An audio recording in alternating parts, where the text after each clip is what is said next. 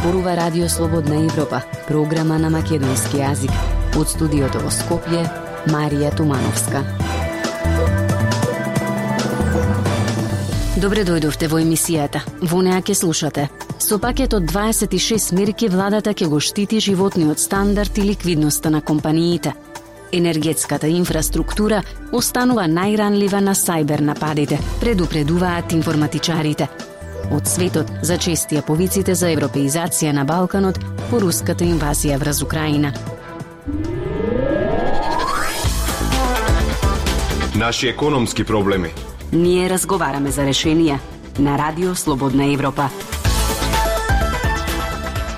Започнуваме со емисијата. Владата усвои 26 мерки и препораки со кои треба да им се помогне на граѓаните и компаниите за полесно да ја пребродат актуелната економска криза. Премиерот Димитар Ковачевски вели дека има резерви на храна и апелира на смиреност и одговорност кај граѓаните. Најголем предизвик сега се цените. Повеќе од прилогот на Пелагија Стојанчова. Основните прехранбени продукти како леб, брашно, млеко, месо, зејтин, шекер, ориз и јајца, за кои досега имаше ДДВ од 5%, сега ќе се продаваат без ДДВ. Се замрзнуваат маржите на основните продукти за исхрана, за како што вели премиерот Димитар Ковачевски, да се спречи профитот и да се ублажи ценовниот шок. Предвидени се ваучери во вредност од 1000 денари за најранливите категории, со кои ќе може да се купуваат основни продукти. Со оваа мерка ќе бидат опатени 35.000 луѓе кои ќе добиваат вакви ваучери три месеци поред. Премиерот ја спомна и предходно најавената помош за пензионерите од по 3000 денари. Се укинува царински давачки за увоз на основни продукти, ке се укинува акцизата на нафтата, со што крајните цени би се намалиле. А се предлага и цената на горивата да се одредува на дневно наместо на неделно ниво за да се избегне голем скок во цените. За компаниите пак се предвидени поволни или бескаматни кредити. Пречуваме сериозен ценовен шок и на основните прехрамени производи и на енергенсите. Воедно ве уверуваме дека житни култури, храна, гориво и енергенси во стоковите резерви има доволно, граѓаните да не подлегнуваат на никакви шпекулации и да бидат смирени. Од се има доволно, но предизвикот е друг. Цените се енормно високи на сите светски берзи порача премиерот. Тој вели дека буџетот е стабилен и ликвиден, а стабилен е и денарот. Премиерот вели дека во кризно време потребна е и лична и колективна одговорност, а не профитерство. Порача да се штеди, а вети дека тоа ќе го прави и власта. За дел од мерките се потребни законски измени. Премиерот порача сите претеници без разлика од која партија се да бидат одговорни и да ги подржат мерките. Од ВМРО ДПМН вела дека владата предложила комплициран модел кој не гарантира намалување на цената на горивата. Наместо да го прифати предлогот за намалување на акцизата кај нафтените деривати, како што предлага ВМРО ДПМН, со што цената на бензинот од утре би се намалила за 13 денари, а на дизелот за 9 денари, Премиерот Ковачевски денес предложи комплициран модел за намалување на акцизата, кој не само што не го разбра јавноста, туку и не гарантира дека ќе придонесе за намалување на малопродажната цена на горивата. Рече Трајко Славески од ВМРО ДПМН на пресконференција. Од партијата забележува дека дел од мерките што беа промовирани од премиерот не се нови. Од, од ВМРО ДПМН вела дека власта не може да биде решение на кризата и затоа како што велат потребни се нови избори. Сетот на мерки има финансиски импликации во висина од околу 400 милиони евра, рече министерот за финансии Фатмир Бесими. Запрашан за тоа дали владата размислува за издавање нова ЕВР врзница, министерот вели дека сега се прават анализи кога би било најдобро тоа да се направи. За тоа дали ќе има ребаланс на буџетот, тој не одговори директно, туку вели дека вообичаена пракса е да има ребаланс во текот на годината, особено во услови на кризи како сега. Слободна Европа. Следете на на Facebook, Twitter и YouTube. Сајбер нападите се реалност, а земјите, вклучително и Македонија, треба да бидат подготвени за одбрана. Најлош е нападот врз критичната инфраструктура, за која постои правило дека не треба да биде поврзана на интернет, додека најранлива е енергетската инфраструктура, предупредува Божидар Спировски, инженер за информацијска безбедност. Со него разговараше колегата Владимир Калински. Господине Спировски, по започнувањето на украинската криза, гледаме извештаи за сајбер напади, односно групи дека прават напади врз дигиталната инфраструктура на Русија, сајбер напади врз руски банки, врз државната телевизија, потоа имаше дека нападнати нападната и белоруската железничка мрежа.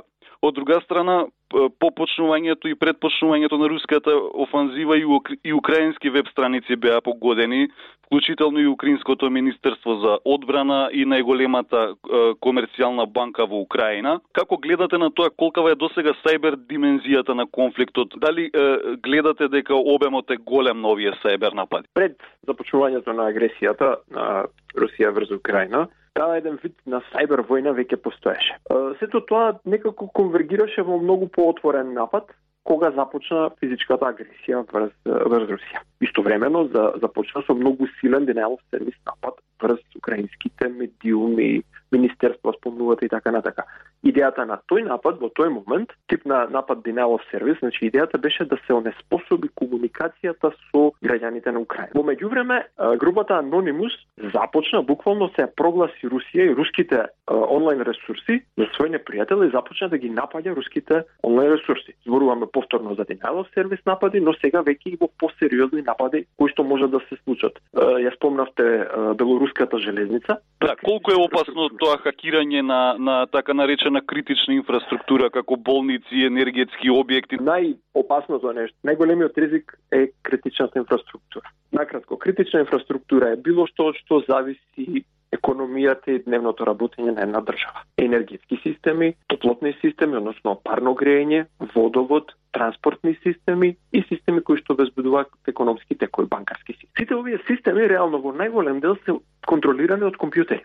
Ако тие електронски уреди, тие компјутери бидат нападнати, бидат онеспособени, најнаш може да замислиме нај, најстрашно сценарио да се исклучи труја во цела држава. Сите овие работи се всушност многу болни за една држава, многу поболни од гасење на еден вебсајт. Македонското министерство за надворешни работи по започнувањето на конфликтот соопшти дека очекува зголемување на заканите од сајбер напади и дека се преземени мерки, меѓу другото и дека министерството било таргет на, на обид за сајбер напад. Како оценувате колку според вас земјава е подготвена на овие хибридни закани? Многу тешко да се одговори, значи немаме јасна видливост како е подготвена државата и што подготвува државата во смисол на своји контролни и дефанзивни и превентивни мерки. Тоа е секако и адресирано со соодветни нивоа на тајност, па јас не би можел да ви кажам дека нешто е вака или нешто е така. Јас сум сигурен дека државата дури и кога почнала да се гледа, да се назира кризата, направила соодветни мерки и подготовки да се минимизира ваквиот удар. Ви благодарам многу. Во ред.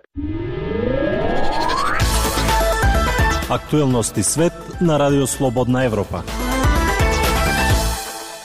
Од светот, меѓународната заедница зачести со повиците за забрзување на евроатланските интеграции на Западен Балкан. Експертите предупредуваат дека руската инвазија на Украина ги засилува тензиите во регионот, за што треба да се загрижат и Европа и Вашингтон. Подготви Емил Златков.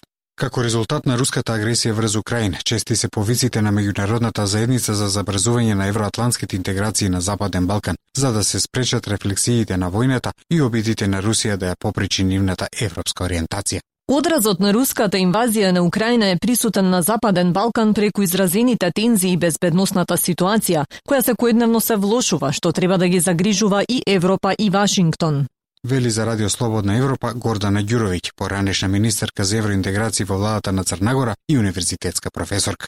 Васко Гарчевиќ, професор по меѓународни односи на Универзитетот во Бостон за Радио Слободна Европа, изјави дека Западен Балкан е отворен за надворешни влијанија, а Босна и Херцеговина и Србија се особено под руско влијание.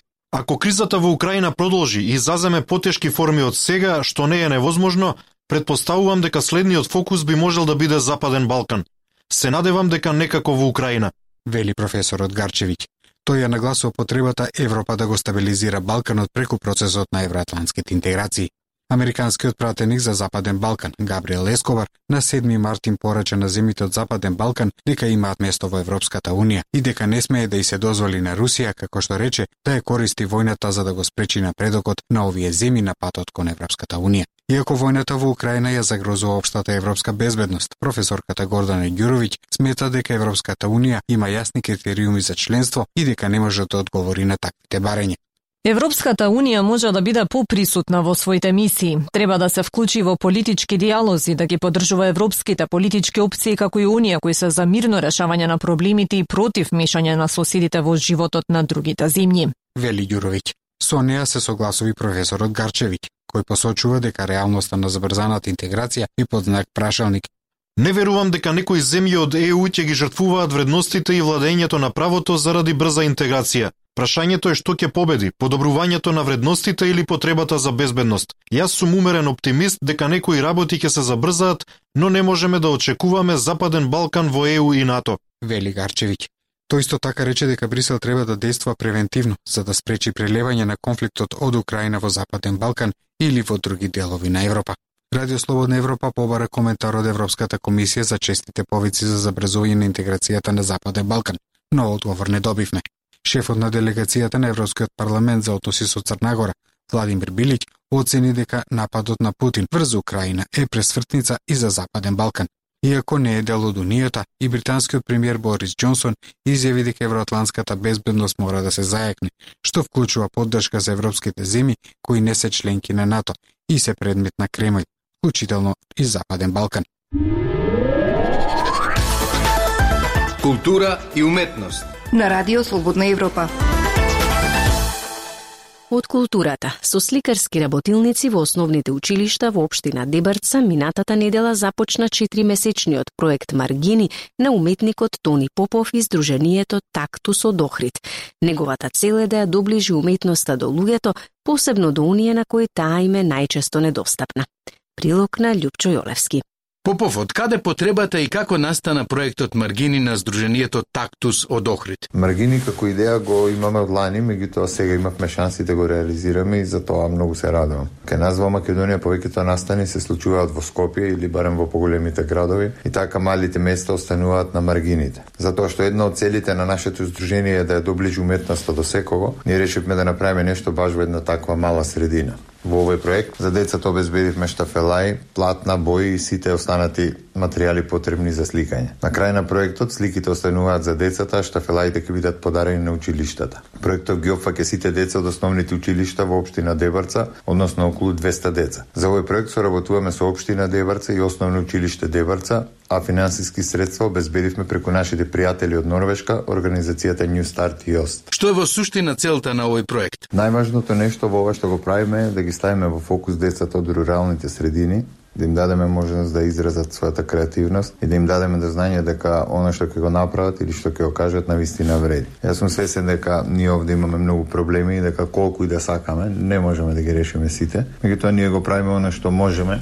она што го знаеме и го правиме тоа со сета своја сила и со цело срце. Нови работилници, децата имаат престилки, и сликаат на платно. Тоа платно е поставено на штафела и целата таа поставка нив многу им значи, затоа што тоа не е нешто што го гледаат секојдневно. Исто така, на крајот ја имаат своје уметничко дело кое ќе го однесат дома. И сето тоа е добро, меѓутоа сето тоа е споредно. Во суштина, ние креираме сцена на која ќе можеме на децата кои се тамо да им дадеме аплауз да им кажеме браво. Јас се водам по ова. Ако макар и на едно дете, макар и на еден саат успеам да му донесам радост, тогаш сме успеале, тогаш целиот овој труд вреди. Како поминаа првите работилници одржани во селата Горенци и Оровник и како е планирано натаму да се развива проектот Маргини? Првите работилници поминаа предобро. Јас и очекував добар прием и од децата и од наставниците, меѓутоа да се виде тамо и да се почувствува таа детска енергија и радост, тоа е нешто чудесно. Например, на крајот од една работилница едно девојче не беше задоволно од својата слика. Јас ја поканив напред да им ја покаже на другарчињата и да ги праша што мисла. Другарчињата нормално и кажаа дека сликата е добра, преубава и девојчето беше среќно. Да се даде можност на другите да се охрабри некој или да се утеши, тоа е она што е за мене најзначајно и многу се радувам кога тоа го гледам.